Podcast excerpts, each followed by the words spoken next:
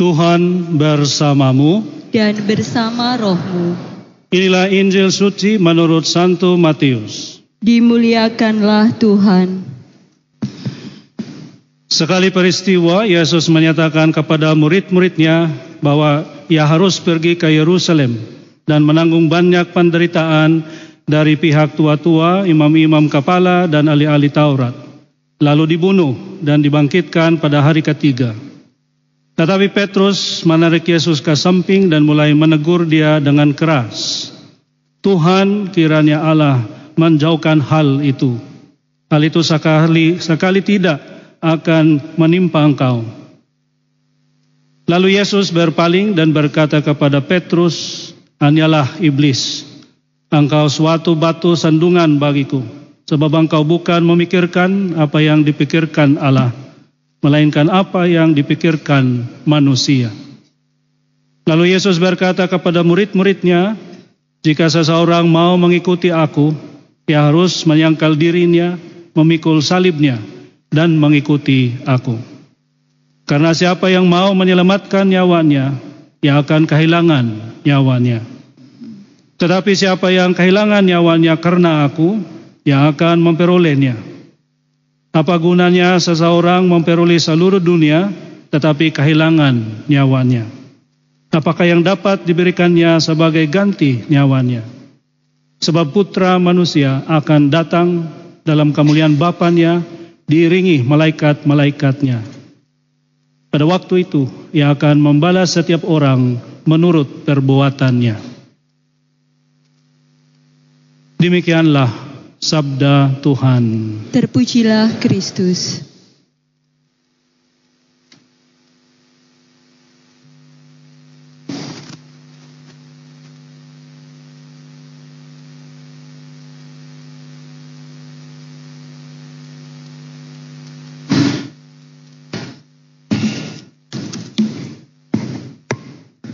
Bapak, Ibu, dan saudara sekalian yang dikasih Tuhan, utamanya para calon krisma yang dikasih Tuhan.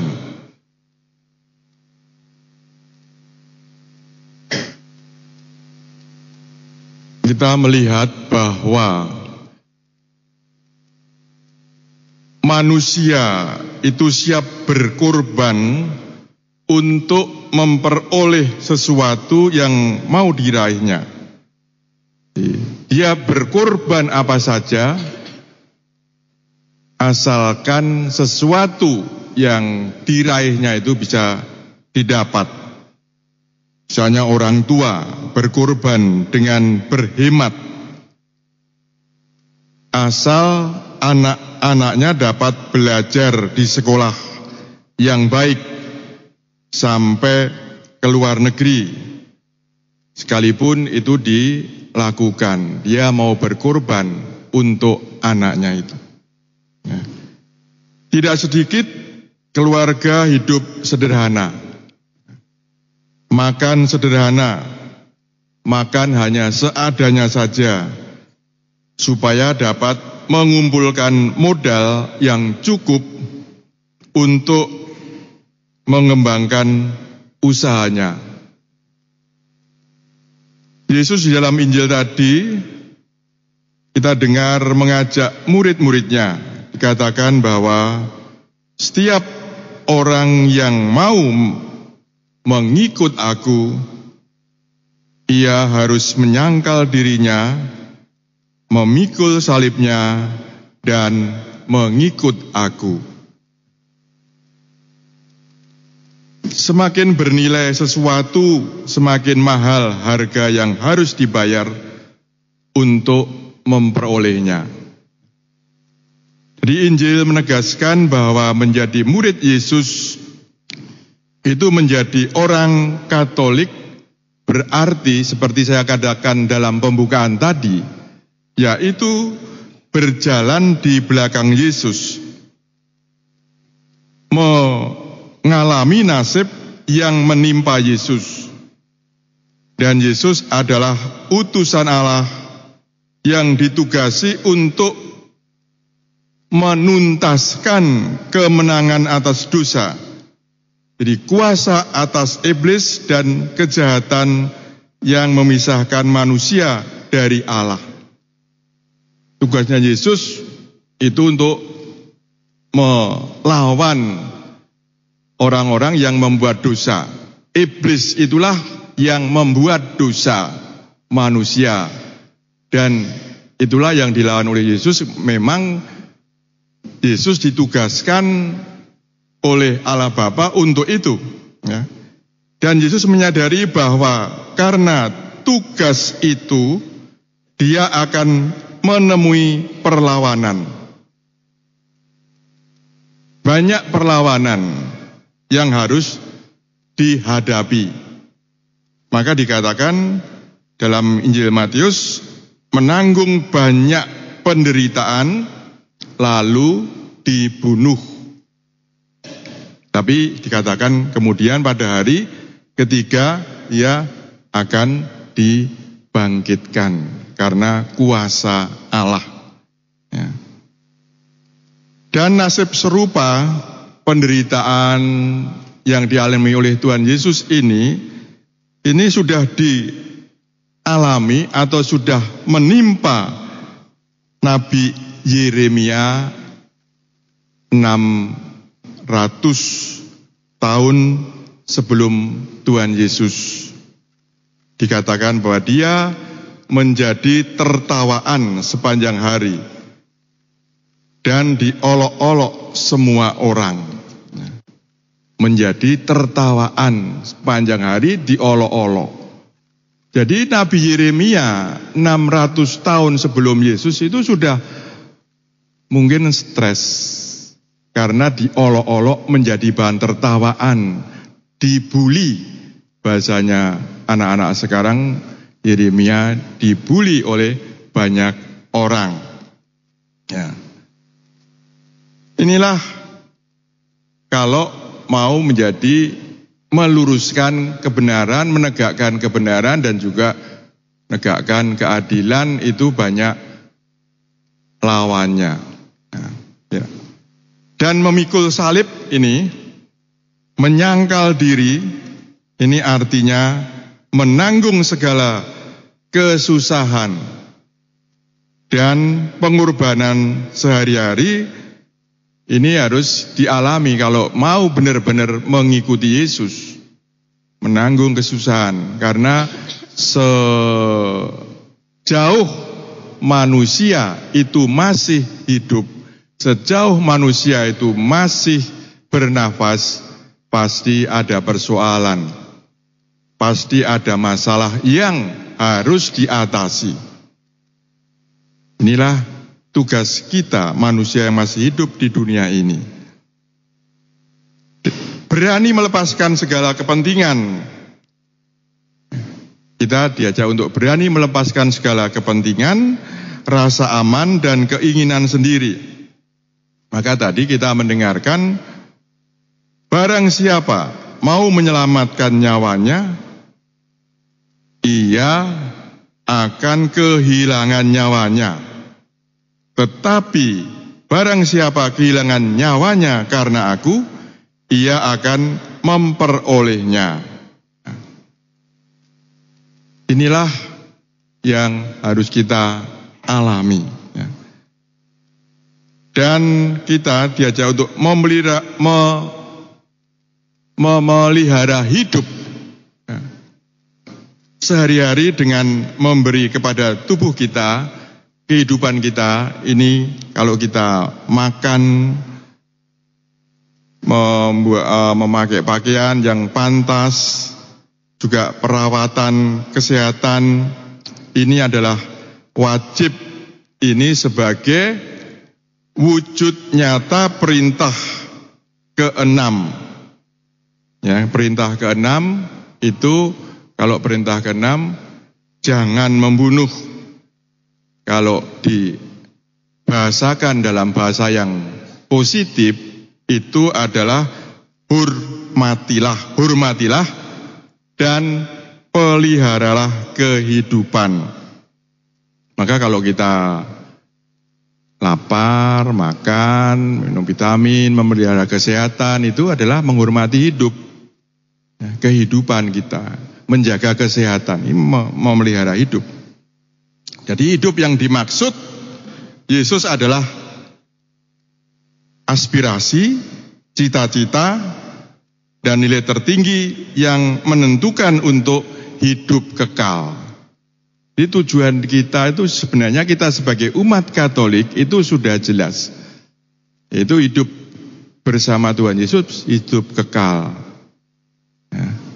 Dan, dan inilah sebenarnya yang kita ucapkan dalam kredo, kita mempunyai kehidupan kekal, kebangkitan badan. Inilah yang memberi kita harapan yang luar biasa dalam kehidupan kita. Nah. Bapak, Ibu, dan saudara sekalian yang dikasih Tuhan, namun tidak sedikit orang berusaha ini melanggengkan kehidupannya dengan cara semu dan keliru. Ya, kalau kita mencapai kehidupan kekal, ini dengan berbuat baik dengan sesama. Bagaimana kita juga bisa mendewasakan iman kita. Bagaimana kita sesering mungkin bertemu dengan Tuhan Yesus dalam doa-doa kita. Mati raga, mungkin juga adorasi, devosi kepada Bunda Maria, ini kita mencapai nilai-nilai untuk kehidupan yang kekal sehingga kita nanti boleh bersatu dengan Tuhan Yesus. Tapi sebaliknya tadi saya katakan juga kita bisa melihat orang yang melanggengkan hidupnya dengan cara yang semu, dengan cara yang keliru.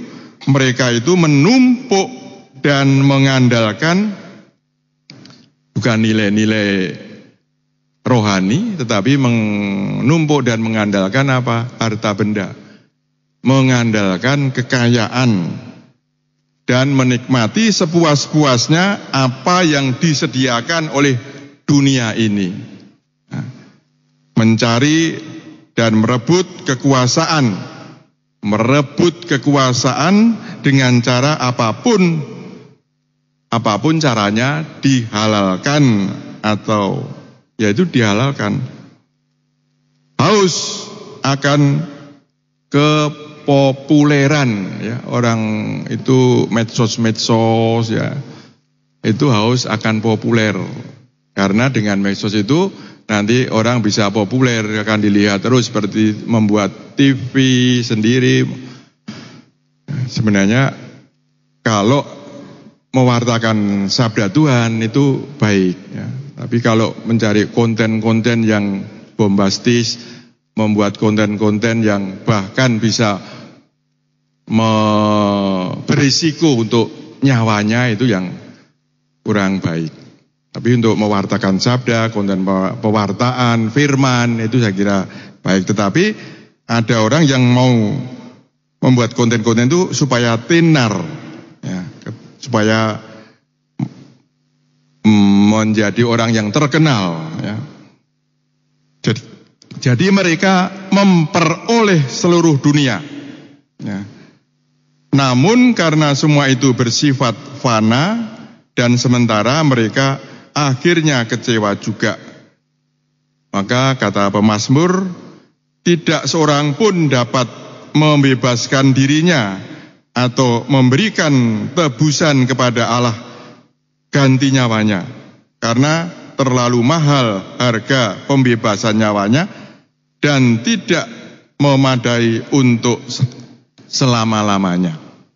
Dalam Mazmur bab 49 ayat 8 dan 9. Jadi Bapak Ibu dan Saudara sekalian orang seperti itu oleh Injil disebut orang yang bodoh, yang tidak kaya di hadapan Allah orang yang tidak kaya di hadapan Allah. Coba dibaca dalam Injil Lukas bab 12 ayat 20 sampai 21. Orang hanya mengandalkan harta benda kekayaan di dunia, maka dia bukan orang yang kaya di hadapan Allah. Nah. Maka Bapak Ibu dan Saudara sekalian, setiap saat Allah dapat mencabut nyawanya, dari dunia ini dan sia-sialah semua yang dikumpulkan selama ini. Ya. Kita mengumpulkan banyak bekerja keras, mengumpulkan apa saja, tetapi sewaktu-waktu ingat sewaktu-waktu Tuhan akan mencabut nyawa kita. Sewaktu-waktu. Lalu apa yang kita kumpulkan kerja keras semuanya ini sia-sia tidak ada artinya sama sekali. Ya. Maka inilah yang kita cari yaitu mencari kerajaan Allah, nilai-nilai kerajaan Allah, nilai-nilai dalam kehidupan kekal, yaitu kebaikan dan semuanya ini yang harus kita cari dalam kehidupan ini. Jadi tidak ada satupun yang dapat mengantarkan kita ke masuk ke dalam kerajaan surga kalau kita hanya mengandalkan nilai-nilai duniawi saja. Ya. Yesus menunjukkan jalan sebaliknya ya, tadi. Ya. Dia tidak menginginkan sesuatu di dunia ini selain memberikan diri dan hidupnya. Paulus dalam bacaan kedua mengingatkan orang Kristiani supaya selalu mempersembahkan tubuh ini sebagai persembahan yang hidup, yang kudus, dan yang berkenan kepada Allah.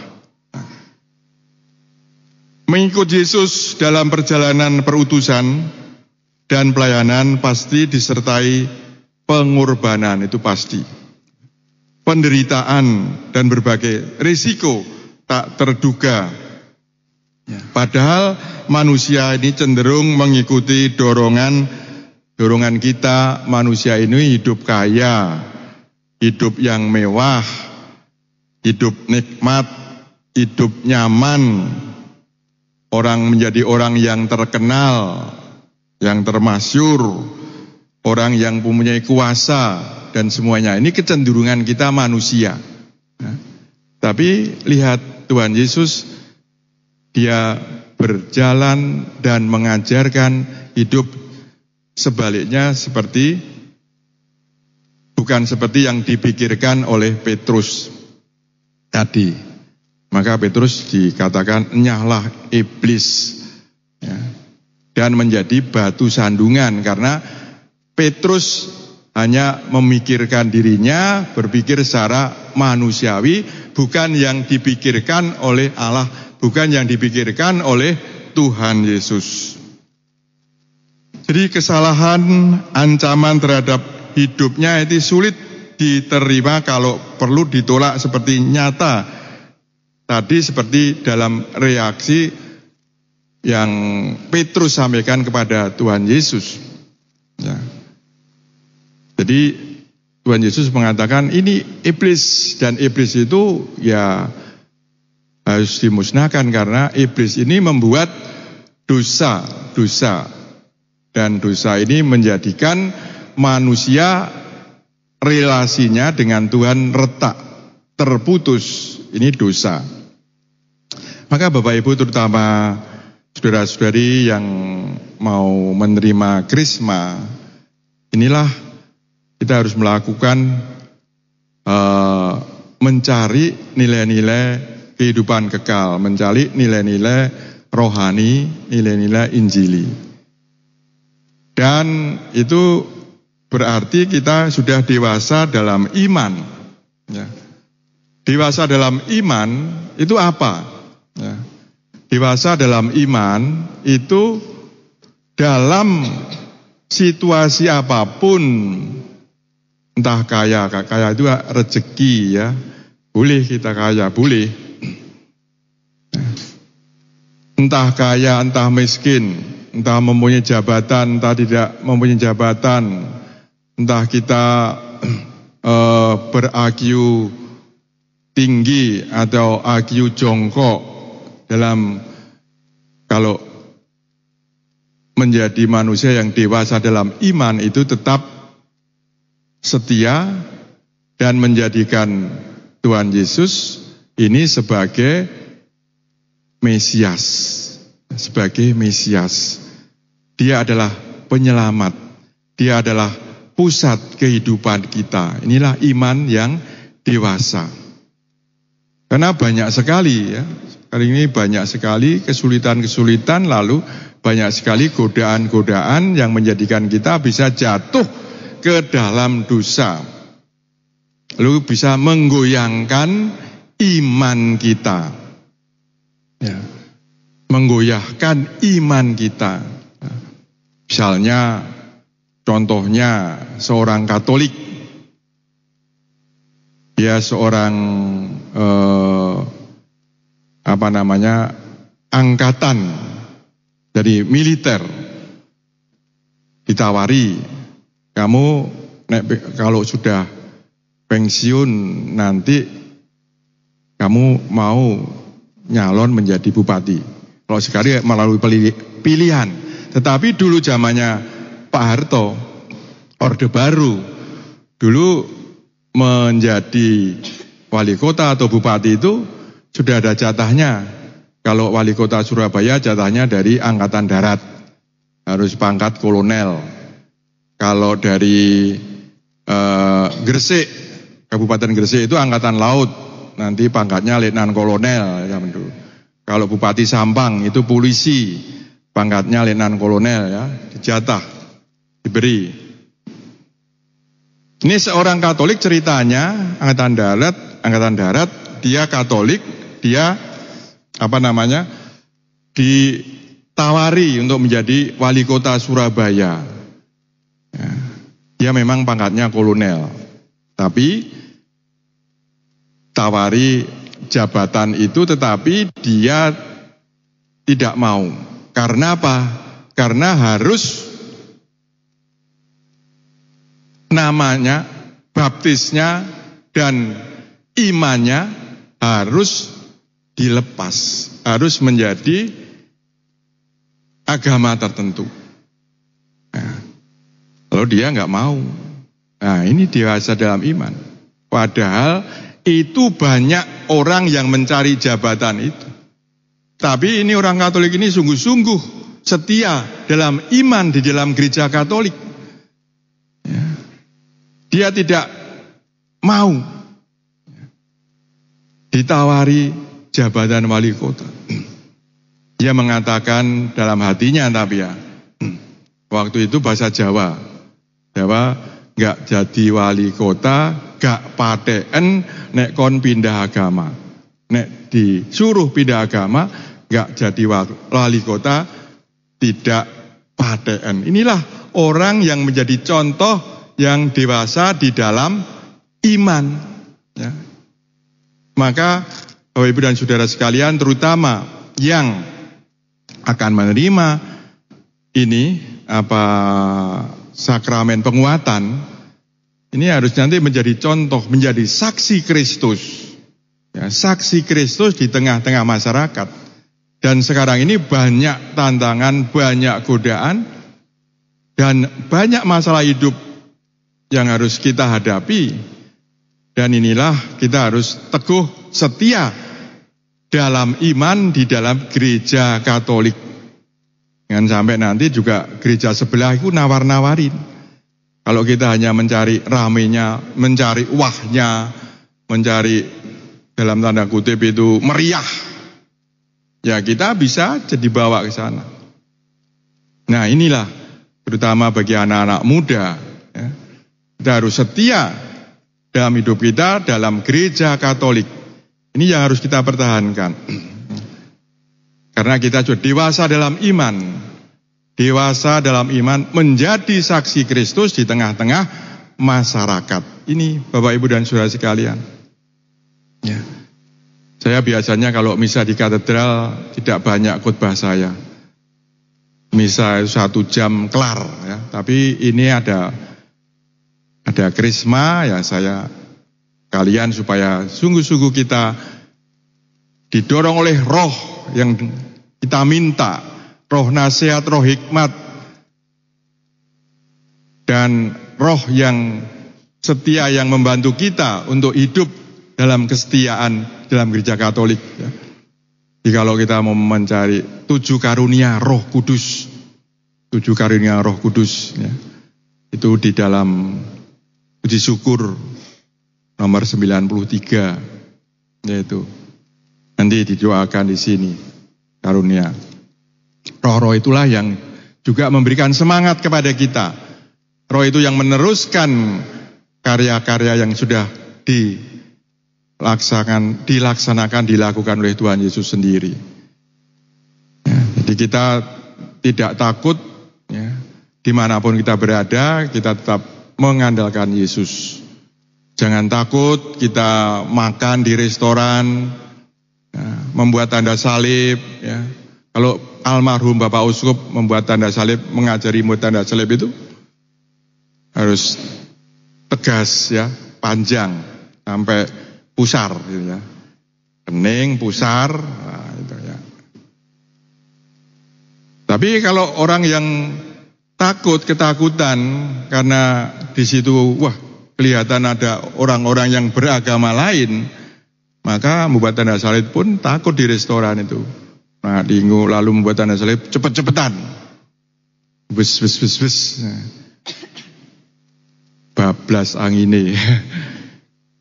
Seperti membuat ngusah ngusah lalat, lalat.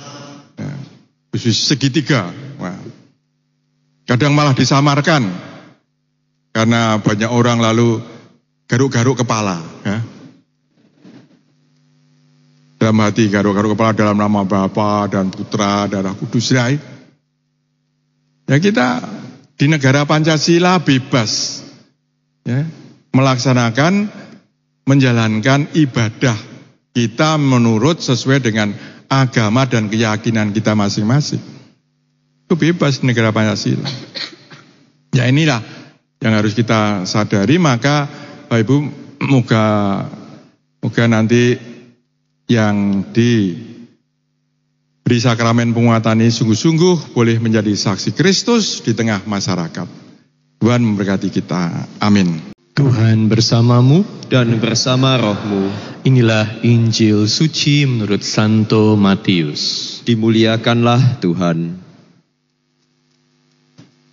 Sekali peristiwa Yesus menyatakan kepada murid-muridnya bahwa ia harus pergi ke Yerusalem dan menanggung banyak penderitaan dari pihak tua-tua, imam-imam kepala, dan ahli-ahli Taurat lalu dibunuh dan dibangkitkan pada hari ketiga. Tetapi Petrus menarik Yesus ke samping dan mulai menegur dia dengan keras. Tuhan, kiranya Allah menjauhkan hal itu. Hal itu sekali-kali tidak akan menimpa engkau.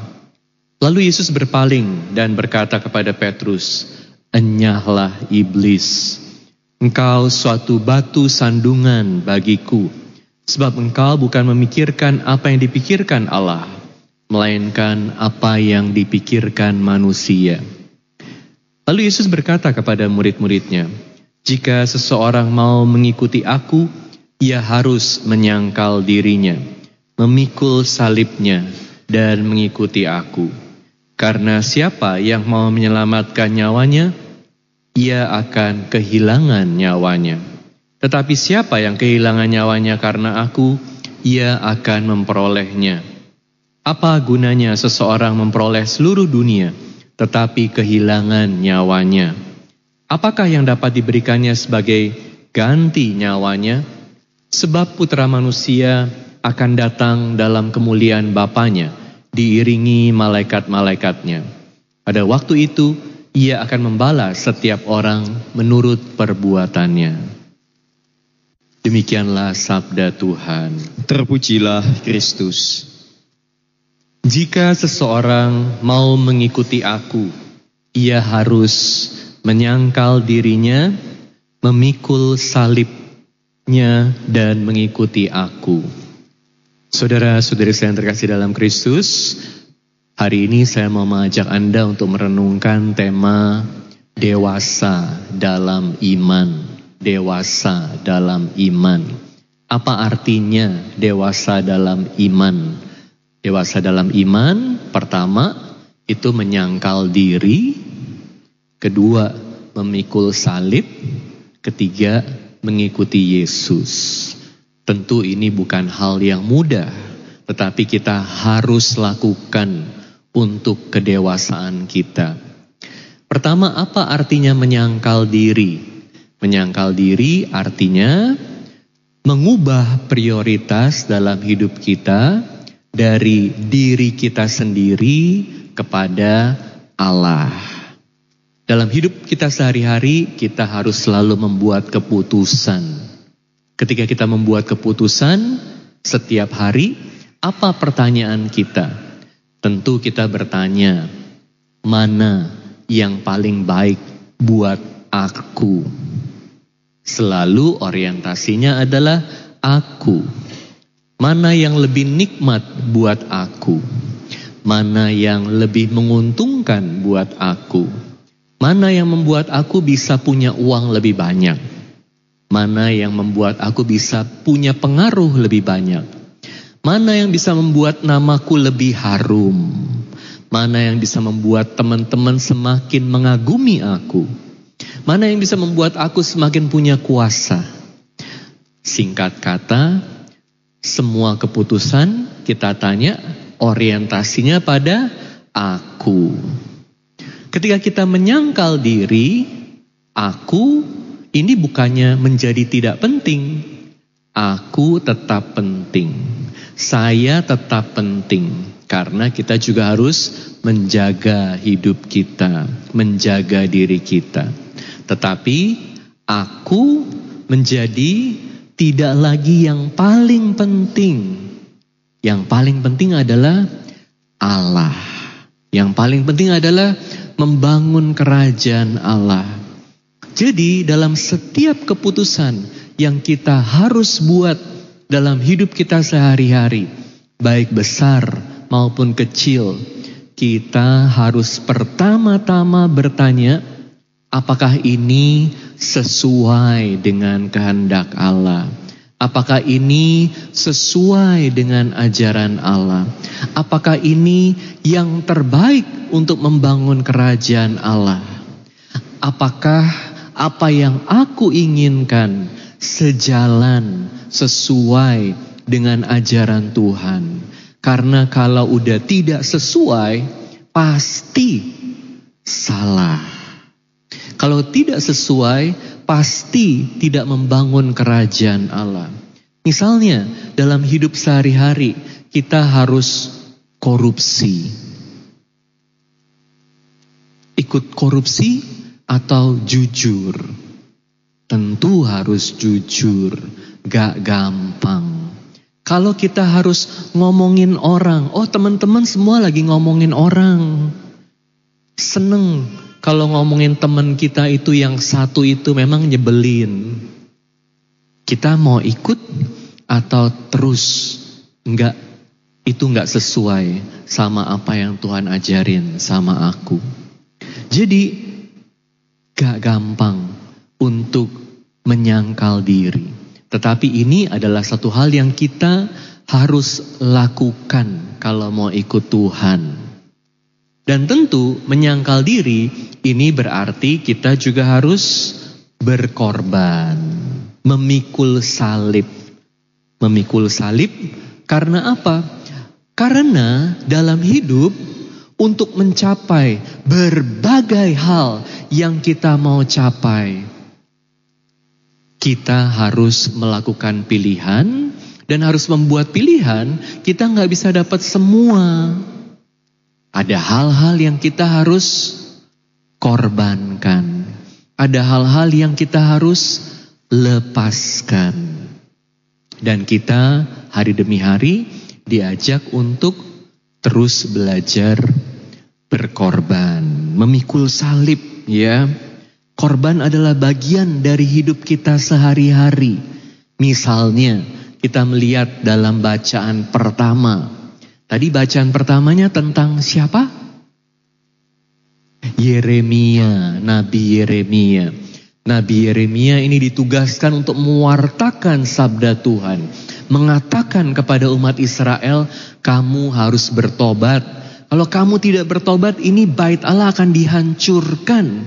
Bukan hanya bait Allah, kamu juga itu artinya ikut menderita, hancur hidupnya. Dan ini selalu adalah efek dari dosa. Setiap kali kita hidup dalam dosa, kita hidup dalam kegelapan, kita menjadi bodoh, dan hidup kita menjadi kacau balau. Nah, apa yang terjadi pada Nabi Yeremia? Saat Nabi Yeremia itu mewartakan sabda Tuhan, teman-temannya ketawain dia. Mereka merendahkan dia. Justru karena dia memilih untuk melakukan perintah Tuhan, dia mengalami penderitaan. Teman-temannya ketawain dia. Nah misalnya, kalau kita punya teman-teman semua pada ngegosip, kita pilih untuk tidak bergosip. Teman-teman kita semua bilang, oh itu harus dihukum orang itu. Dia itu jelek sekali. Kita harus singkirkan dia. Tapi kita memilih untuk ayo kita coba untuk mengerti dia. Ayo kita coba untuk ajak dia bicara. Ayo kita coba untuk menyelamatkan dia. Teman-teman ketawain gak? Seringkali teman-teman bilang kamu itu bodoh ya. Udah jelas orang ini buat salah seperti itu. Kenapa dia mesti masih ditolong? Kenapa dia masih mesti dimengerti? Udah singkirin aja. Semakin diketawain, semakin teman itu disingkirkan, tapi kita juga jadi disingkirkan. Dalam dunia yang mencari kenikmatan, semua orang cari nikmat. Sementara kita pilih, ya aku mau kasih waktuku. Waktu yang sangat berharga untuk melayani di gereja. Tapi konsekuensinya adalah waktu untuk nonton di mall berkurang. Waktu untuk jalan-jalan healing-healing berkurang. Karena harus pergi ke gereja, harus ikut rapat, harus latihan kor, harus ikut pendalaman iman, ada pengorbanan. Dan pengorbanan ini harus kita lakukan hari demi hari, hari demi hari. Supaya apa? Supaya tujuan yang kita mau capai tercapai. Karena pada dasarnya dalam hidup kan, kalau nggak ada pengorbanan, gimana mau mencapai tujuan yang kita mau capai? Gak bisa. Maka kalau mau ikut Tuhan, harus juga hari demi hari belajar berkorban. Tapi kabar gembiranya adalah kalau kita belajar untuk menyangkal diri, kalau kita belajar untuk memikul salib, hari demi hari kita akan semakin siap untuk mengikuti Tuhan Yesus. Apa artinya mengikuti Tuhan Yesus? Semakin hari semakin menjadi seperti Tuhan Yesus sendiri. Hari demi hari kan kita maunya kita semakin bertumbuh. Tapi pertanyaannya bertumbuh dalam apa? Arah hidup kita mau ke mana? Karena ini menentukan apa yang menjadi prioritas dalam hidup kita. Apakah prioritas kita adalah uang? Apakah prioritas kita adalah kenikmatan? Apakah prioritas kita adalah kuasa? Apakah prioritas kita itu nama baik? Ya, ambil contoh nama baik. Nama baik itu penting gak? Anda mau diakui gak? Anda mau dihormati gak? Mau, sangat penting untuk punya nama baik. Tapi nama baik ini gampang sekali hilang. Dan nama baik itu nggak tergantung Anda. Anda dihormati tentu karena Anda melakukan hal yang baik. Tapi juga Anda dihormati tergantung dari yang lihat kita. Tergantung dari orang lain. Yeremia, dia melakukan yang baik gak? Melakukan yang baik. Dia hidup dengan benar gak? Hidup dengan benar. Dia dihormati gak? tidak dihormati. Dia diketawain. Jadi orang hormat sama kita atau enggak, orang ngakuin kita atau enggak, itu bukan hanya tergantung kita.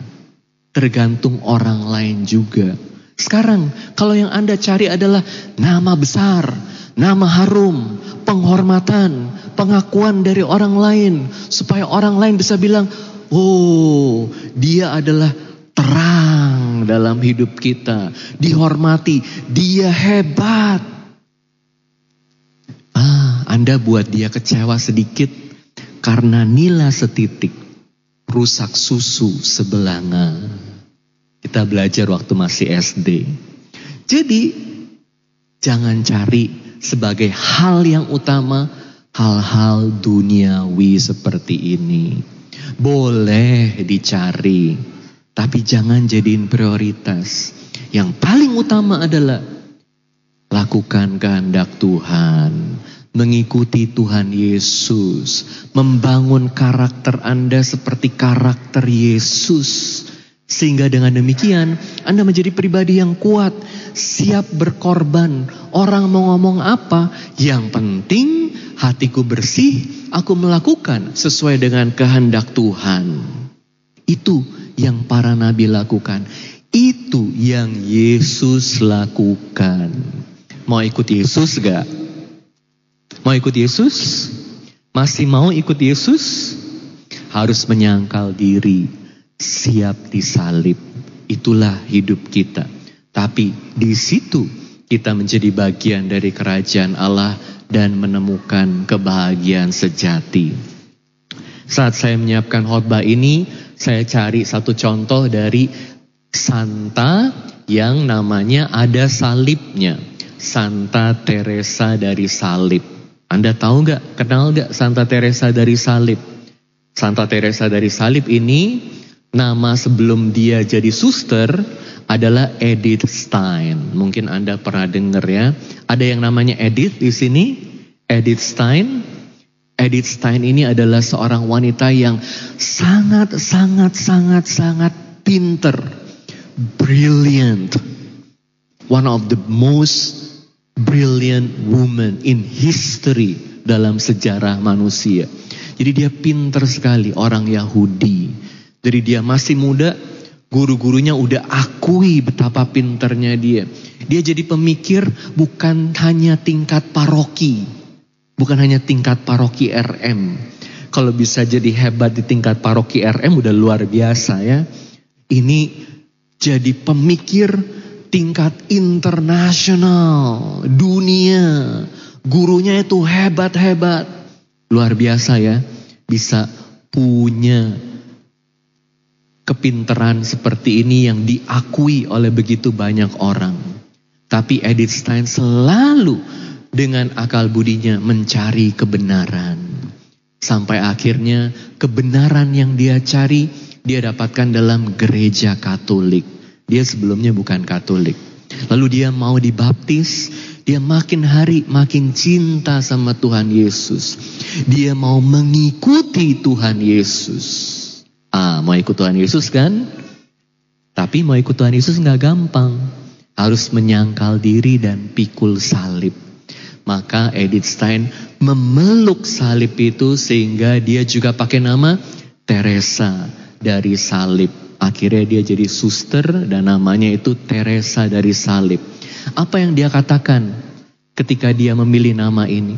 Dia bilang, aku harus siap memeluk salib memikul salib. Bahkan untuk orang-orang yang tidak mengerti arti salib. Jadi aku mau berkorban untuk mereka yang tidak mengerti arti salib. Berbagai penderitaan dalam hidupku, aku mau persembahkan buat Tuhan dan buat mereka yang takut untuk memikul salib. Luar biasa. Makanya kalau ada penderitaan-penderitaan dalam hidup kita sehari-hari, jangan takut. Persembahkan sama Tuhan. Persembahkan untuk pemurnian diri kita. Dan pemurnian orang-orang yang kita cintai. Teresa dari salib itu hidup di zamannya Nazi. Dia harus lari ke uh, Netherlands, lari ke Jerman dulu, kemudian lari ke Netherlands. Sebetulnya dia itu siap untuk menderita bersama-sama teman-temannya orang Yahudi lain. Tapi teman-teman susternya selalu mau lindungi dia. Sampai terakhir dia ada di Netherlands, dia ditangkap oleh Nazi. Tentu dia dicari karena ini adalah wanita yang sangat luar biasa dan menjadi Katolik, ya. Surat-suratnya, tulisan-tulisannya menginspirasi banyak orang.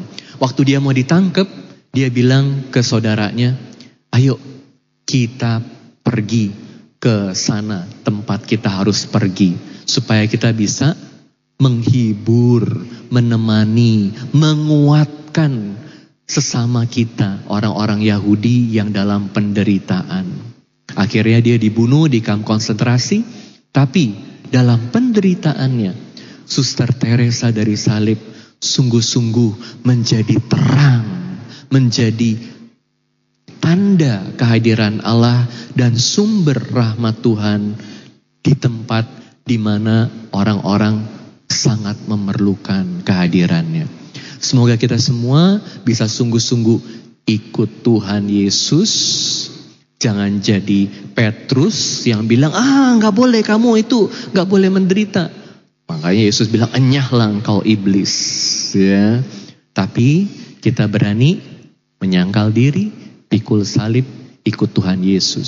Supaya hari demi hari kita juga semakin dewasa, kuat dalam iman. Amin. Tuhan bersamamu. Inilah Injil suci menurut Santo Matius. Sekali peristiwa Yesus mengatakan kepada murid-muridnya bahwa ia harus pergi ke Yerusalem dan menanggung banyak penderitaan dari pihak tua-tua, imam-imam kepala dan juga ahli-ahli Taurat lalu dibunuh dan dibangkitkan pada hari ketiga. Tetapi Petrus menarik Yesus ke samping dan mulai menegur dia dengan keras. Tuhan, kiranya Allah menjauhkan hal itu. Hal itu sekali-sekali tidak akan menimpa engkau. Lalu Yesus berpaling dan berkata kepada Petrus, Enyahlah iblis, engkau suatu batu sandungan bagiku. Sebab engkau bukan memikirkan apa yang dipikirkan Allah, melainkan apa yang dipikirkan oleh manusia. Lalu Yesus berkata kepada murid-muridnya, "Jika seseorang mau mengikuti Aku, ia harus menyangkal dirinya, memikul salibnya, dan mengikuti Aku. Karena siapa yang menyelamatkan nyawanya, ia akan kehilangan nyawanya. Tapi siapa yang kehilangan nyawanya karena Aku, ia akan memperolehnya." Apa gunanya seseorang memperoleh seluruh dunia, tetapi kehilangan nyawanya? Apakah yang dapat diberikannya sebagai ganti nyawanya? Sebab putra manusia akan datang dalam kemuliaan Bapaknya, diiringi malaikat-malaikatnya. Pada waktu itu ia akan membalas setiap orang menurut perbuatannya. Demikianlah sabda Tuhan. Saudara-saudari yang terkasih dalam Kristus, setiap penyembahan yang sejati yang kita lihat di dalam kitab suci selalu ada dalam bentuk persembahan kurban. Setiap penyembahan yang benar di dalam kitab suci selalu datang dalam bentuk persembahan kurban. Apa sih sebenarnya kurban itu? Kurban adalah sesuatu yang kita berikan kepada Allah, sesuatu yang paling berharga yang kita persembahkan kepada Allah. Nah, pada zaman dahulu, orang-orang zaman dahulu yang paling berharga yang mereka miliki biasanya dalam bentuk ternak. Sehingga ternaklah ya dalam bentuk sapi, domba, kambing dan juga uh, ternak lain dikurbankan, dipersembahkan kepada Allah sebagai bentuk penyembahan. Dan hal ini kita bisa lihat di berbagai ayat di kitab suci secara khusus perjanjian lama. Kita lihat Habel putranya Adam yang mempersembahkan sesuatu yang berharga yang dia miliki hasil ternaknya kepada Tuhan dan itu berkenan kepada Tuhan. Dan kita juga melihat contoh lain seperti ah, Musa waktu dia berada di Gunung Sinai, Musa menyembelih banyak lembu sebagai persembahan kepada Tuhan saat bangsa Israel dan Tuhan membuat perjanjian. Namun kita juga mengerti bahwa di kitab suci tidak hanya persembahan dalam bentuk kurban yang berdarah atau kurban hewan, tetapi juga kadang-kadang persembahan yang berbentuk hasil bumi pun Tuhan terima. Contohnya persembahan dari Melkisedek yang membawa roti dan anggur ya sebagai wujud persembahannya. Dan bahkan kalau kita lihat kitab Imamat, kitab Imamat itu adalah sebuah kitab yang mengatur ibadah kurban bangsa Israel. Dari bab 1 sampai 5 kita akan melihat membaca berbagai jenis kurban persembahan sebagai bentuk penyembahan bangsa Israel kepada Allah yang sejati. Nah, sekarang kalau kita bertanya, apa sih bentuk penyembahan di dalam gereja Katolik? Jawabannya, ya, jawabannya adalah ekaristi. Sekarang, kalau ekaristi adalah penyembahan, pasti ya ada kurbannya. Pertanyaannya, kurbannya apa?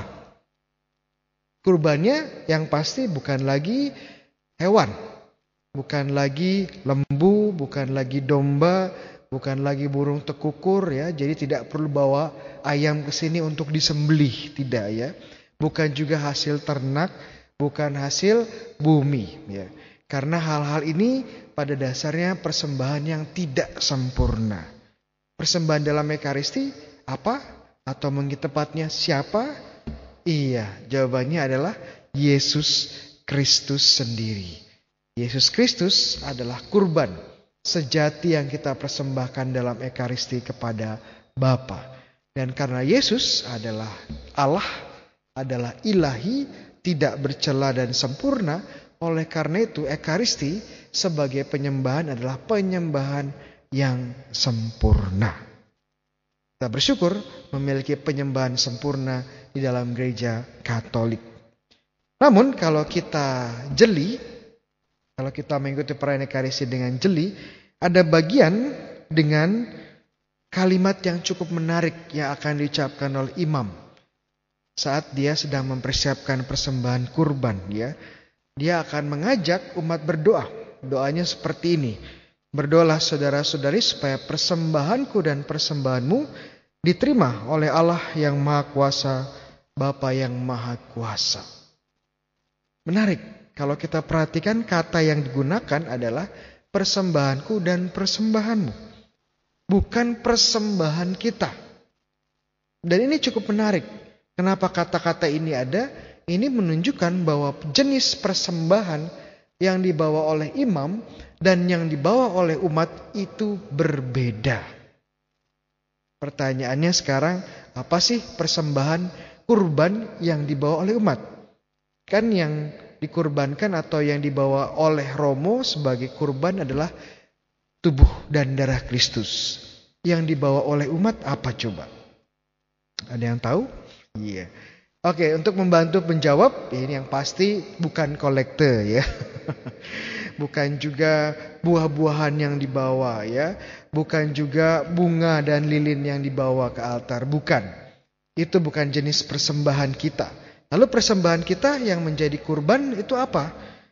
Mungkin saya akan membantu dengan membaca kembali bacaan kedua. Berasal dari surat Santo Paulus kepada jemaat di Roma. Ini sangat pendek tetapi sangat powerful. Sangat relevan bagi penyembahan kita. Paulus berkata bahwa Paulus berkata bahwa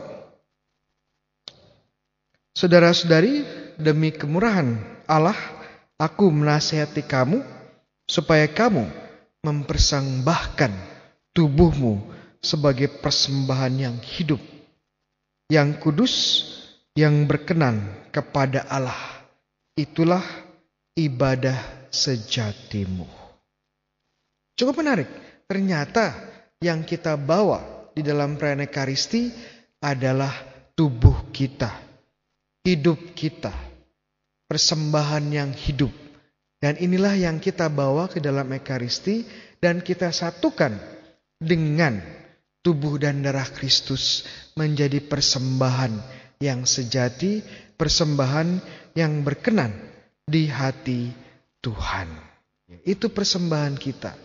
Jadi seluruh hidup kita di dalam Ekaristi kita bawa, kita persembahkan kepada Tuhan. Ini akan menjadi ibadah kita, penyembahan kita. Namun, hati-hati ya, karena Paulus juga mengimbau agar kita tidak mempersembahkan sembarang tubuh. Tidak mempersembahkan hidup yang asal-asalan. Tetapi tubuh yang kudus dan berkenan kepada Allah. Hati-hati. Yang diminta adalah tubuh atau hidup yang kudus dan berkenan kepada Allah.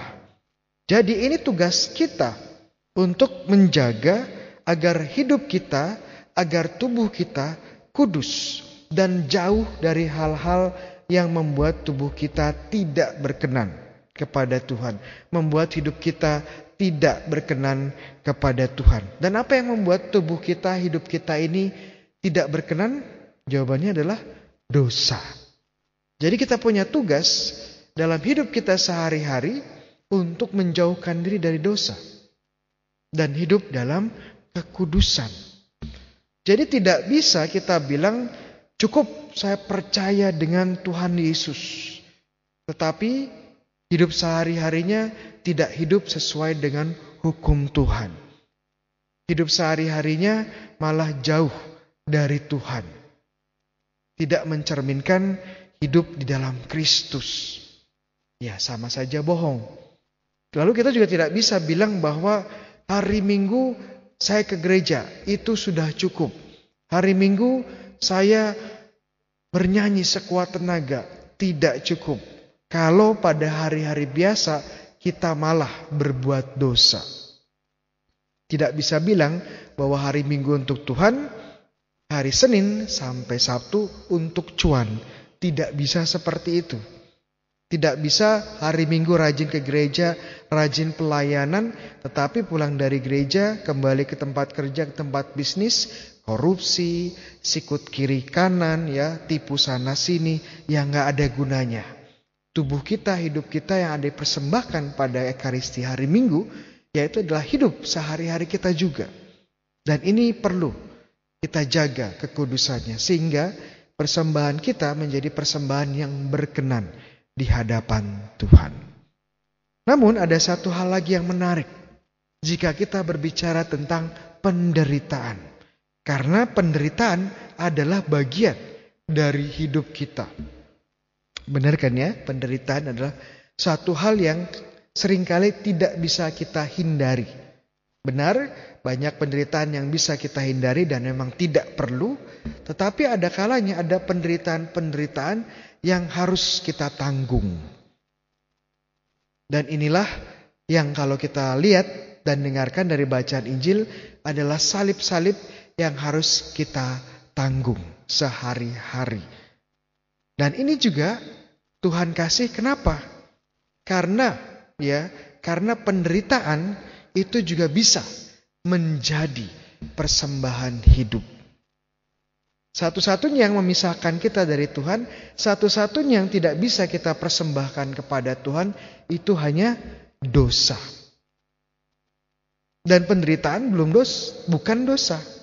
Jadi bisa dipersembahkan. Catatannya adalah kalau kita memanggul salib kita dengan tabah, membawa penderitaan dan menanggung penderitaan kita dengan tabah, tidak bersungut-sungut, tidak marah-marah, tidak komplain, ya, tidak penuh kepahitan tapi dengan sabar dan bahkan dengan sukacita. Persembahan ini pun bisa menjadi penderitaan ini pun salib ini pun bisa kita bawa di dalam ekaristi, kita satukan dengan salib dan kurban Yesus menjadi persembahan yang berkenan kepada Tuhan. Itu kenapa Tuhan Yesus ya menegur dengan sangat keras Petrus yang mencoba mencegah Yesus memanggul salibnya. Karena Petrus hanya berpikir seperti manusia yang hanya mau menghindar dari salib yang sebenarnya bisa menjadi berkat. Inilah yang indah dalam agama kita, dalam iman kita, bahwa penderitaan pun Tuhan izinkan karena kalau kita setia, kalau kita tabah, kalau kita tekun dan mempersembahkannya di dalam ekaristi, di dalam tubuh dan darah Kristus dan salibnya, ini pun bisa menjadi berkat berlimpah di dalam hidup kita. Amin Tuhan memberkati. The Lord be with you. and with your spirit. A reading from the Holy Gospel according to Saint Matthew. Glory to you, O Lord. Jesus began to show his disciples that he must go to Jerusalem and suffer greatly from the elders, the chief priests, and the scribes, and be killed, and on the third day be raised. Then Peter took Jesus aside and began to rebuke him. God forbid, Lord, no such thing shall ever happen to you. He turned and said to Peter, Get behind me, Satan. You are an obstacle to me. You are thinking not as God does, but as human beings do. Then Jesus said to his disciples, Whoever wishes to come after me must deny himself, take up his cross, and follow me. For whoever wishes to save his life will lose it, but whoever loses his life for my sake will find it. What profit will there be for one to gain the whole world and forfeit his life? Or what can one give in exchange for his life? For the Son of Man will come with his angels and in his Father's glory, and then he will repay all according to his conduct. The Gospel of the Lord. Praise to you, Lord Jesus Christ. Please be seated.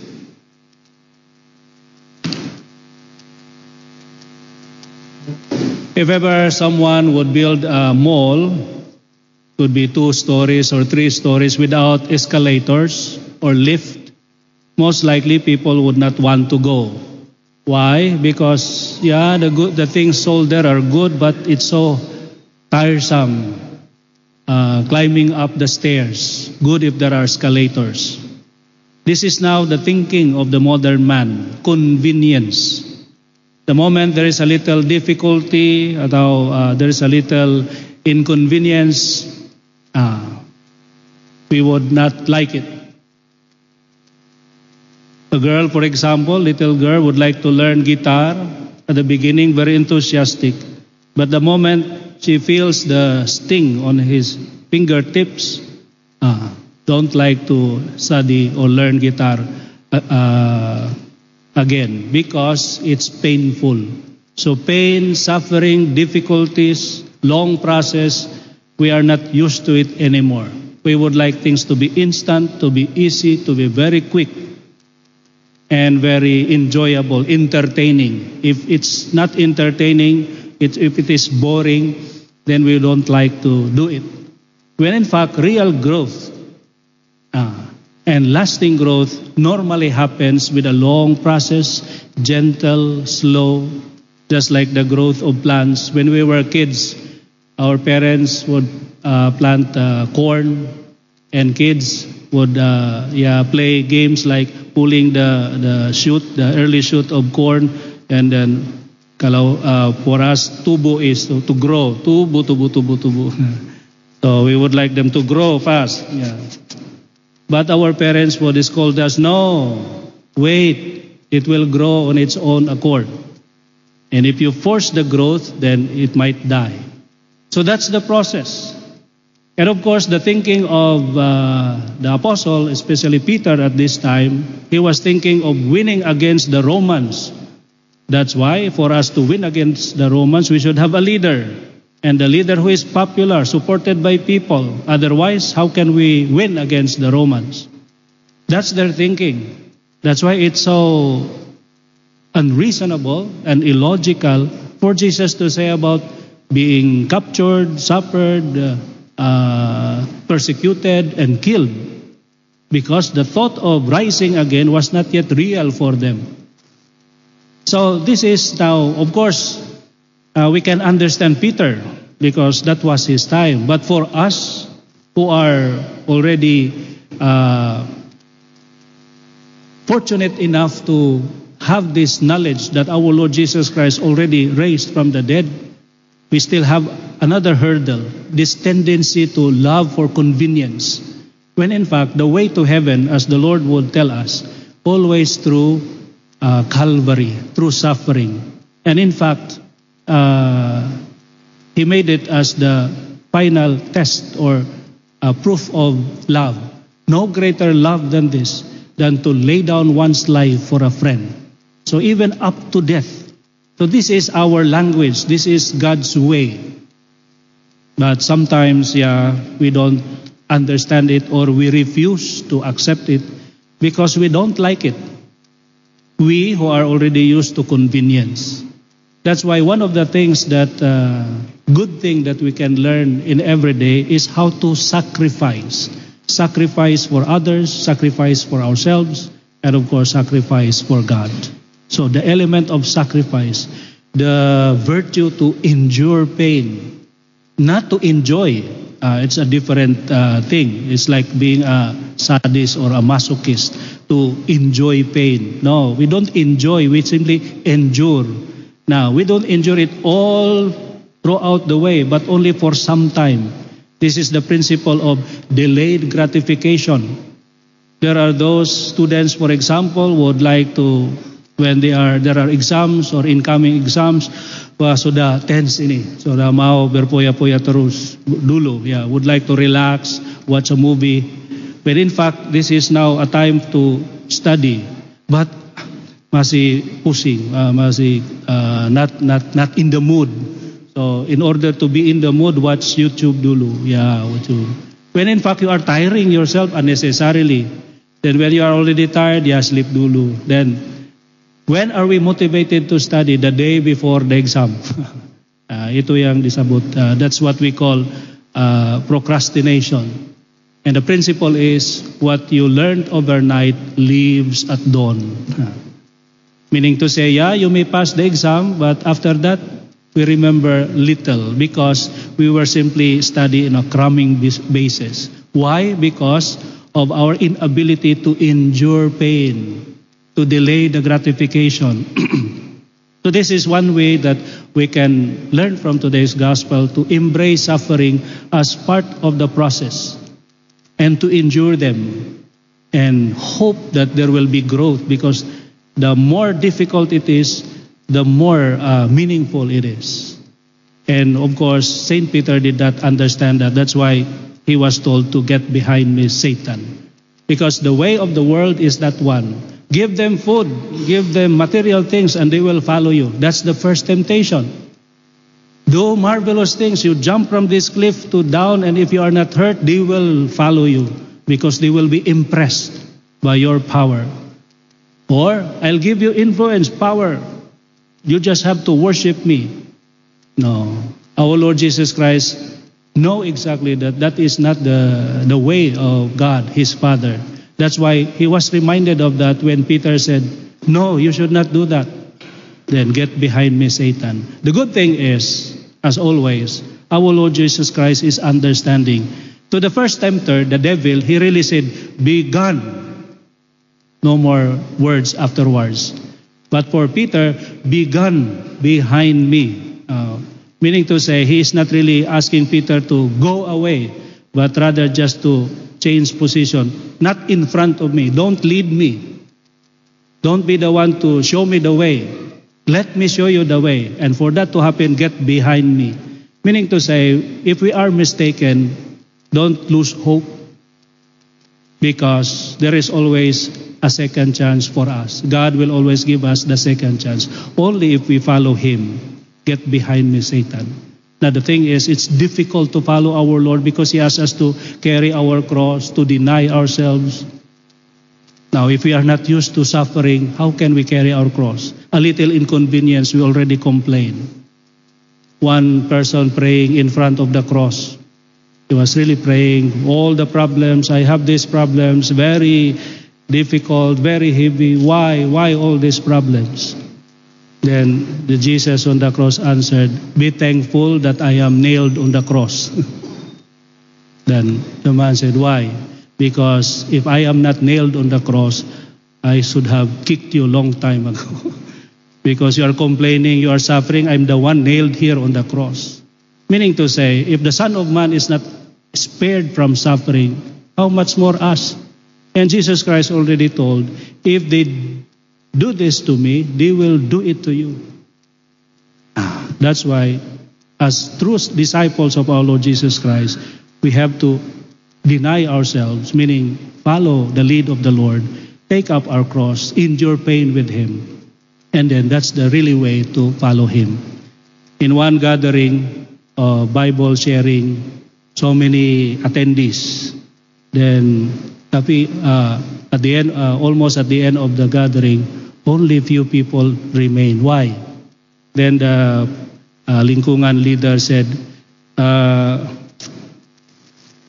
Father, uh, the attendees are now missing some of many of them. Why? Because the schedule of the prayer meeting in another group is the same with us. The thing is, in that other group, they give rice. they give rice. That's why they go there. Well, of course, personal needs, physical needs is important also. But if we were to be faithful to God, a little sacrifice will do. And when we do sacrifice for Christ, when we carry our cross and follow Him, then we become true disciples of our Lord Jesus Christ. Amen. The Lord be with you. and with your spirit. A reading from the Holy Gospel according to Matthew. Glory to you, O Lord. Jesus began to show his disciples that he must go to Jerusalem and suffer greatly from the elders, the chief priests, and the scribes, and be killed on the third day, be raised. Then Peter took Jesus aside and began to rebuke him. God forbid, Lord, no such thing shall ever happen to you. He turned and said to Peter, Get behind me, Satan. You are an obstacle to me. You are thinking not as God does, but as human beings do. Then Jesus said to his disciples, Whoever wishes to come after me must deny himself, take up his cross, and follow me. For whoever wishes to save his life will lose it, but whoever loses his life for my sake will find it. What profit would there be for one to gain the whole world and forfeit his life? Or what can one give in exchange for his life? For the Son of Man will come with his angels in his Father's glory, and then he will repay all according to his conduct. Brothers and sisters, the gospel of the Lord. Praise to you, Lord Jesus Christ. Please be seated.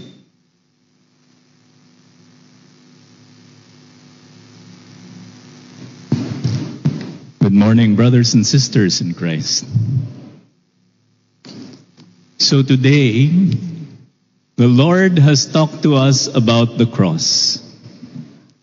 And, well, sometimes we forget that the Lord has talked about and talked about several times about the cross. So it is a part of our faith. That's why whenever we start something, we do it with the sign of the cross. And when you say, Bless me, Father, what does the priest give you? The sign of the cross. So if you don't want the cross, don't ask for a blessing, right? So don't bless me, Father. I don't want the cross. But you know, just reflecting on it, I wouldn't be the person that I am today if I had not received the cross of Christ. I wouldn't be the person that I am today if I had not suffered all those things. The important thing is to suffer it together with Christ. To suffer it alone is a great tragedy. It will cause you great sadness.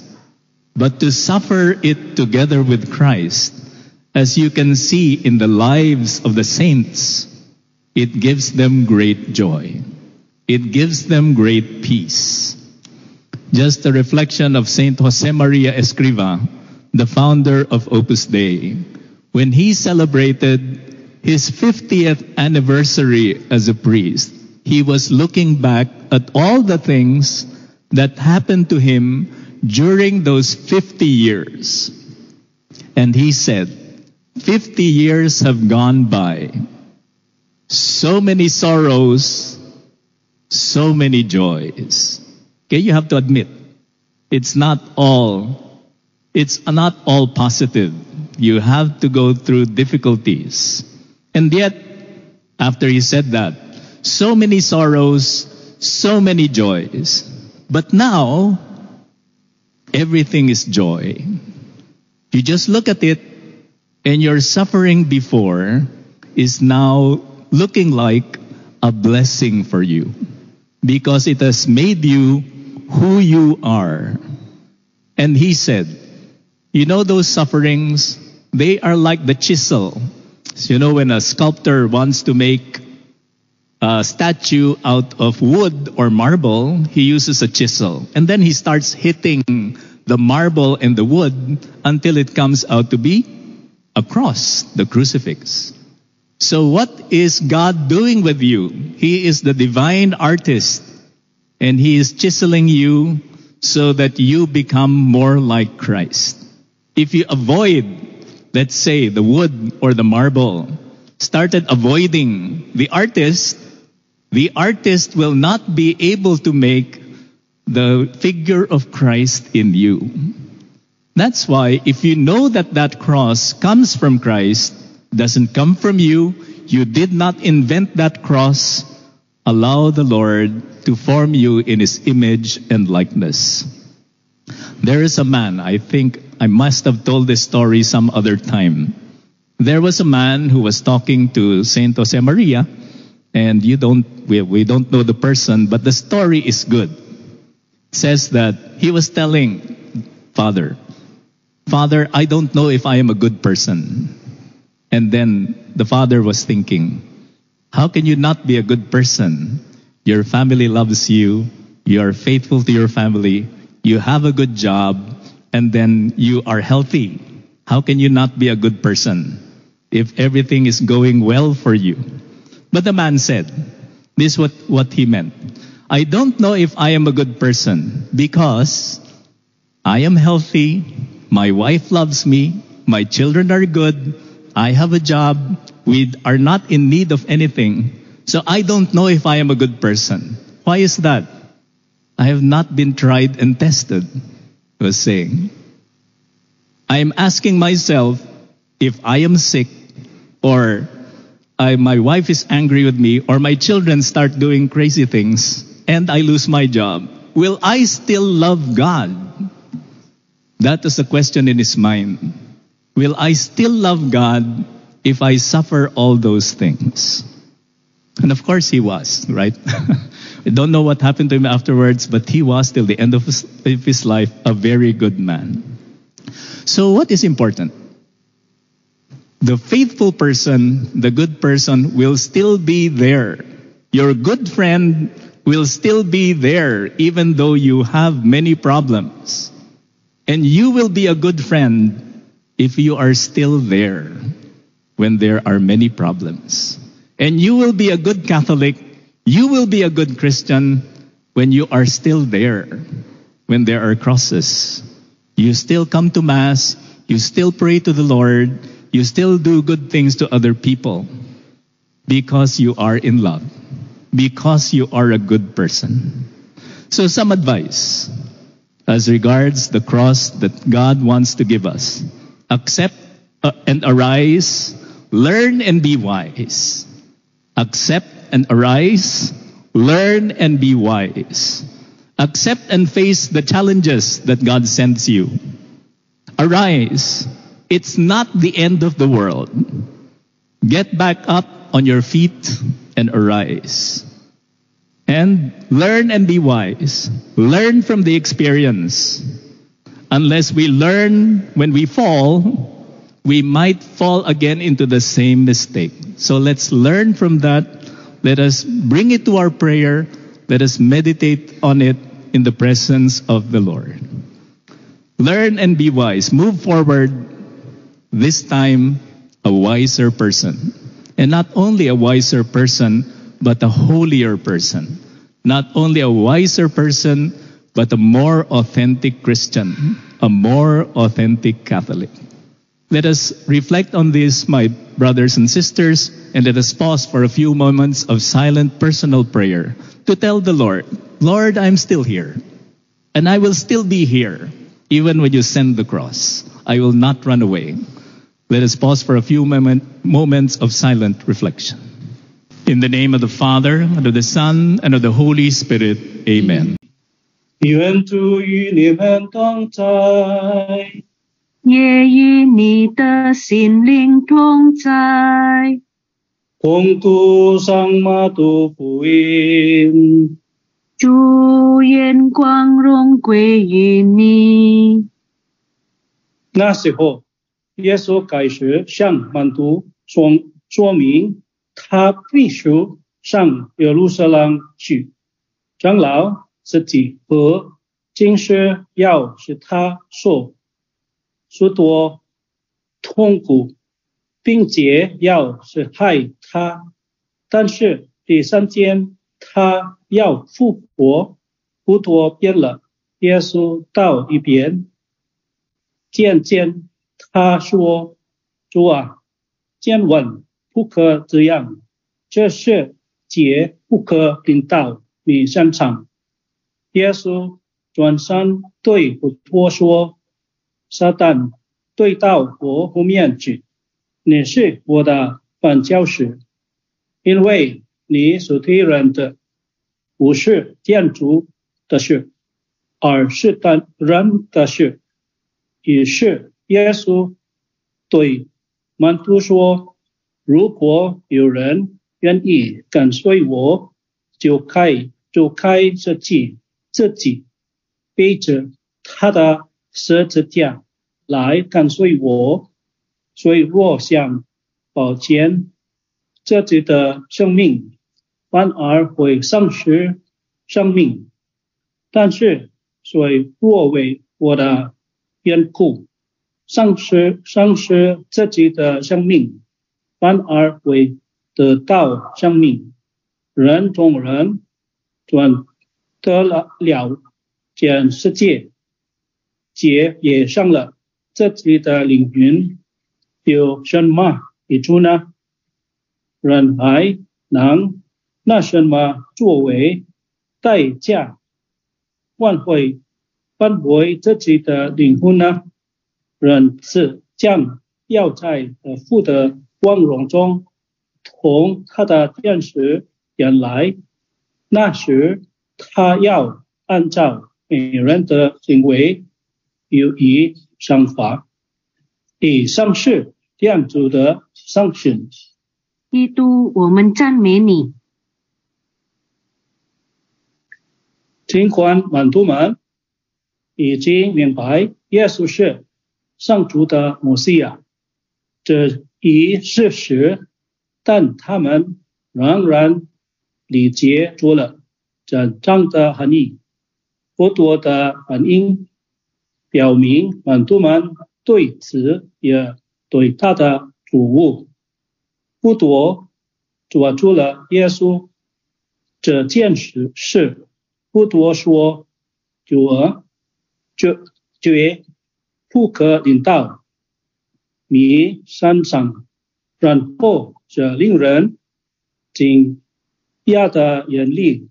机子撒旦对到我不面去，耶稣这样做，是因为他想起了他在转到这处这处在旷野所面临的诱惑，在那里他收到有货主场上建立这路。是当者说：“给他们面包，给他们物质的东西，他们就会跟随你；给他们疼痛，是试探者说给他们机子，他们就会追随你。向世界妥协，试探者说降低你的标准，他们就会跟随你。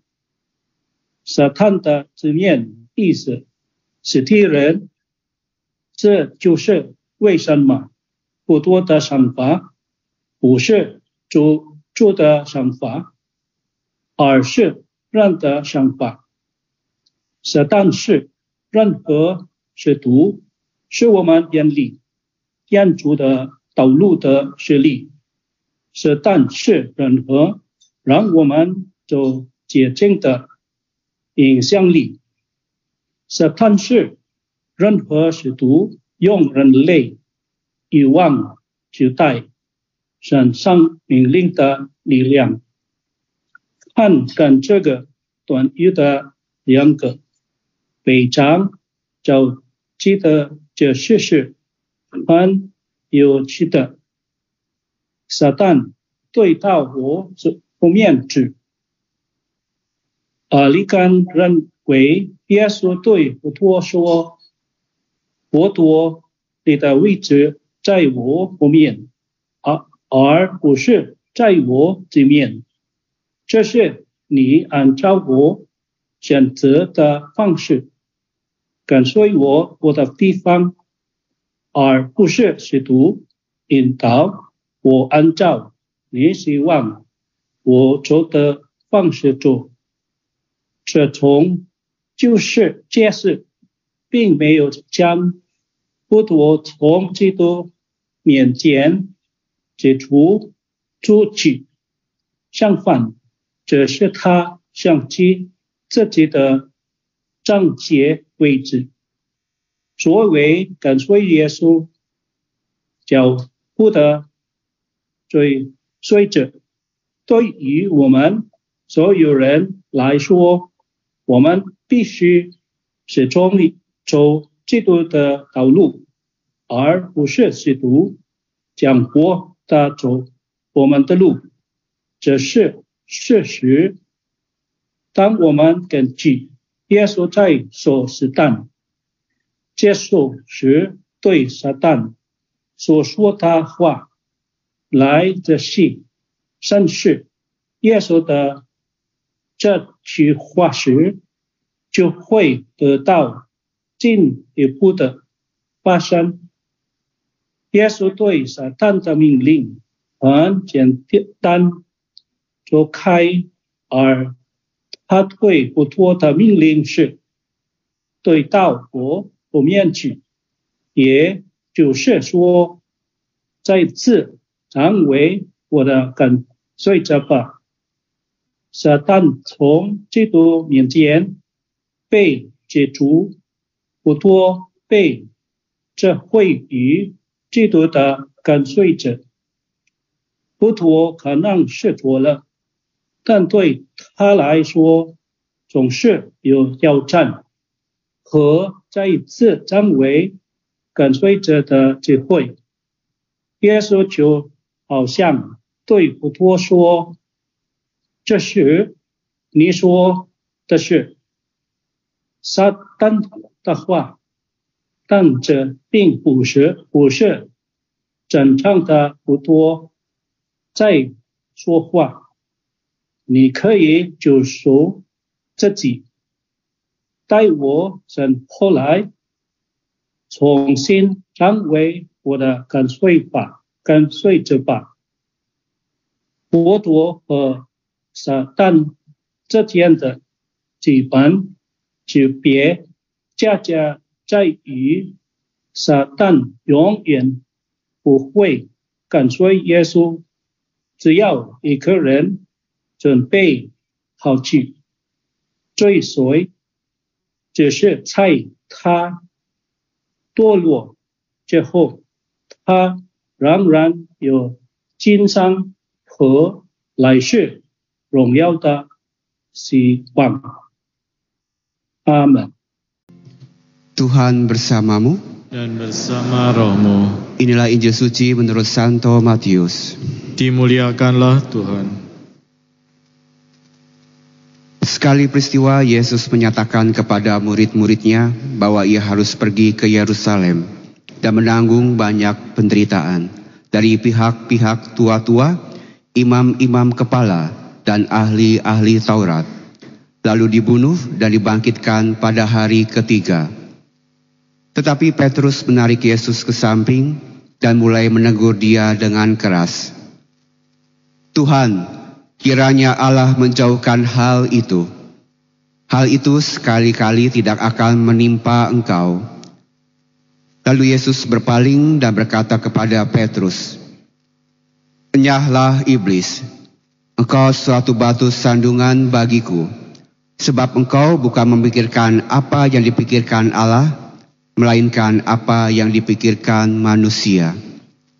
Lalu Yesus berkata kepada murid-muridnya, Jika seorang mau mengikuti aku, ia harus menyangkal dirinya, memikul salibnya dan mengikuti aku.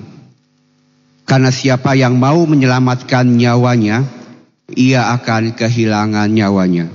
Tetapi siapa yang kehilangan nyawanya karena aku, ia akan memperolehnya. Apa gunanya seorang memperoleh seluruh dunia, tapi kehilangan nyawanya? Apakah yang dapat diberikannya sebangkai ganti nyawanya? Sebab putra manusia akan datang dalam kemuliaan Bapa diiringi malaikat-malaikatnya. Pada waktu itu, ia akan membalas setiap orang menurut perbuatannya. Demikianlah sabda Tuhan. Terpujilah Kristus. Jika seseorang mau mengikuti aku, ia harus menyangkal dirinya, memikul salibnya dan mengikuti aku. Bapak, Ibu, dan saudara-saudari yang terkasih dalam Tuhan, mungkin pada saat kita ini belum mengenal Tuhan, atau mungkin iman Kristiani kita belum dewasa seperti saat ini, jika kita ditanya, mau nggak mikul salib? Mau nggak Bapak Ibu? Mau nggak? Iya, saya pun tidak mau ya. Mengapa?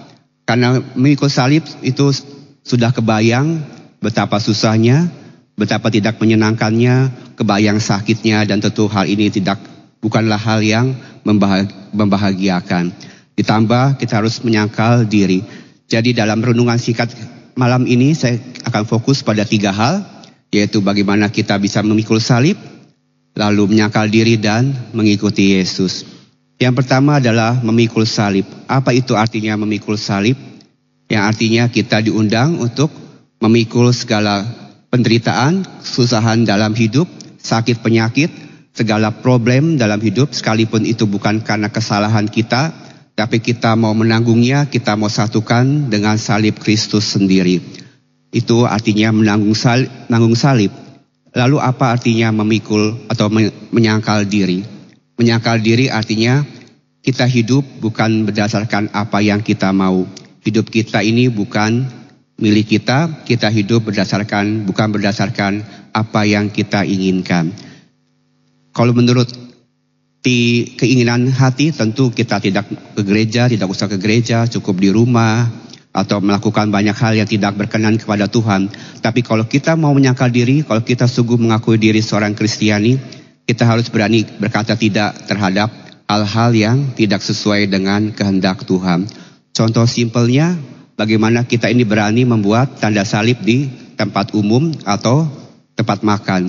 Kalau membuat salib di antara kita, kalau diundang tempat makan, kalau teman-temannya semua Katolik, doa lingkungan, itu mudah dengan gamblang membuat tanda salib. Tapi tantangannya adalah kita kita makan yang di tempat umum, di mana banyak saudara kita yang non Muslim, eh non Kristiani. Sanggupkah kita ini membuat tanda salib dengan benar, ataukah hanya kecil-kecil gitu ya? Inilah ada suatu bentuk kecil bagaimana kita ini menyangkal diri.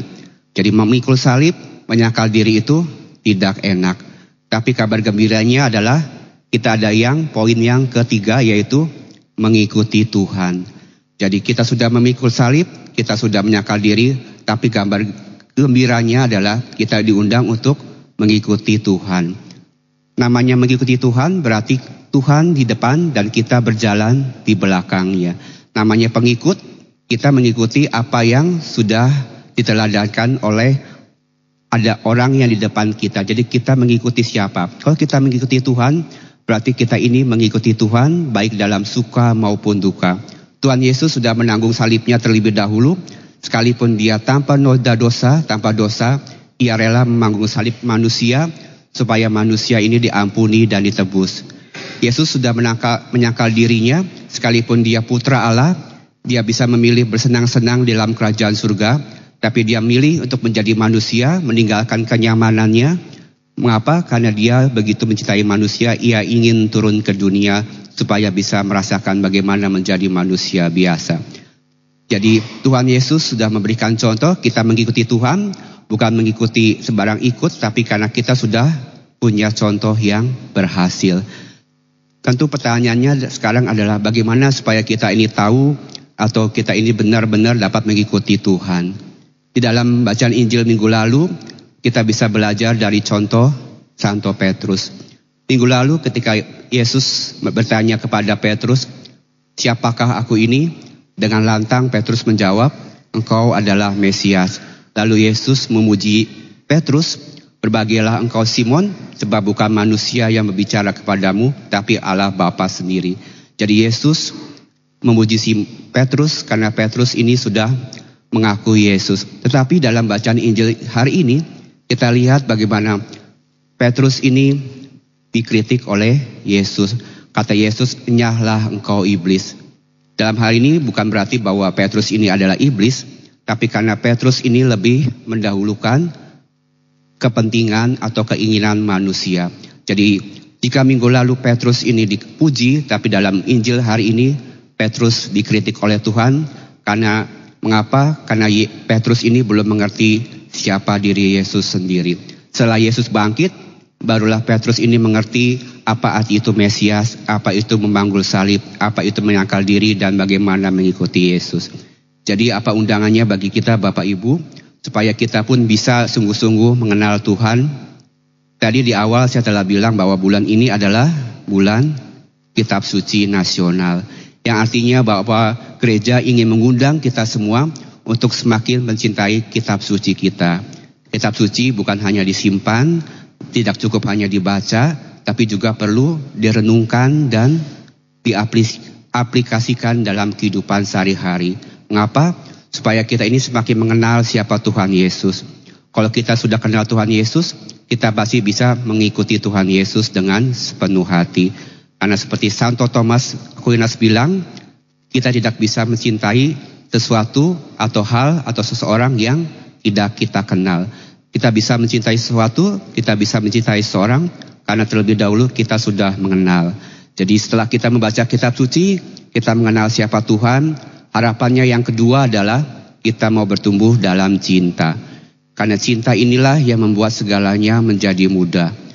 Kalau saya boleh sharing sedikit, tentu sharing panggilan, tentu kalau membayangkan masa formasi sebelum menjadi seorang Romo itu sekitar 13 tahun, tentu sudah kebayang susahnya ya. Dulu sebelum masuk sudah ditawarkan ini loh program untuk menjadi seorang Dominikan, menjadi Romo Dominikan. Harus S1 filsafat, S1 teologi, S2, belum lagi banyak banyak tahap yang harus dilalui. Tentu kalau saya tidak punya cinta rasanya udahlah nggak usah, lebih mundur aja dari awal. Tapi tentu saya bisa ada di sini tentu semua karena rahmat Tuhan, karena saya ingin mencintai Tuhan, saya ingin mencintai panggilan saya dan Tuhan memberikan rahmatnya. Jadi sama halnya juga bagi Bapak Ibu sekalian yang ada di sini yang menikah, tentu kalau hanya sebelum menikah kalau dibayangkan betapa susahnya hidup berumah tangga, beratnya biaya uh, sekolah anak dan segalanya tentu akan membuat kita down dulu. Ya itulah yang terjadi dengan anak-anak muda zaman sekarang banyak yang takut berkomitmen menikah walaupun menikah tidak mau punya anak ya. Jadi inilah realitas hidup. Jadi kalau Bapak Ibu akhirnya menikah tentu modalnya bukan modal nekat ya. Tentu ada cinta yang membuat kalian ini mampu untuk mengatasi segala salib salib hidup dalam hidup berumah tangga. Jadi setelah kita mengenal Tuhan, kita harus mencintai Tuhan supaya apa? supaya segala penderitaan itu kita dapat kita hayati, kita satukan dengan penderitaan Kristus karena ada cinta yang membuat kita ini menjadi kuat. Ya, cinta bukan datang dari sendirinya, tapi cinta yang Tuhan berikan kepada kita yaitu cinta untuk mengasihi Tuhan dan mengasihi sesama kita. Semoga kita semakin bertumbuh dalam iman, pengharapan dan kasih sehingga kita dapat berjalan bersama Yesus, mengikuti Yesus ke mana pun ia pergi. Sebab jika ada Yesus di hadap di depan kita, tiada satupun kuasa jahat yang dapat melawan kita, dapat menghancurkan kita karena Yesus telah terlebih dahulu mengalahkan segala tantangan, kita hanya mengikutinya dan terus percaya kepadanya. Sebab Yesus adalah andalanku.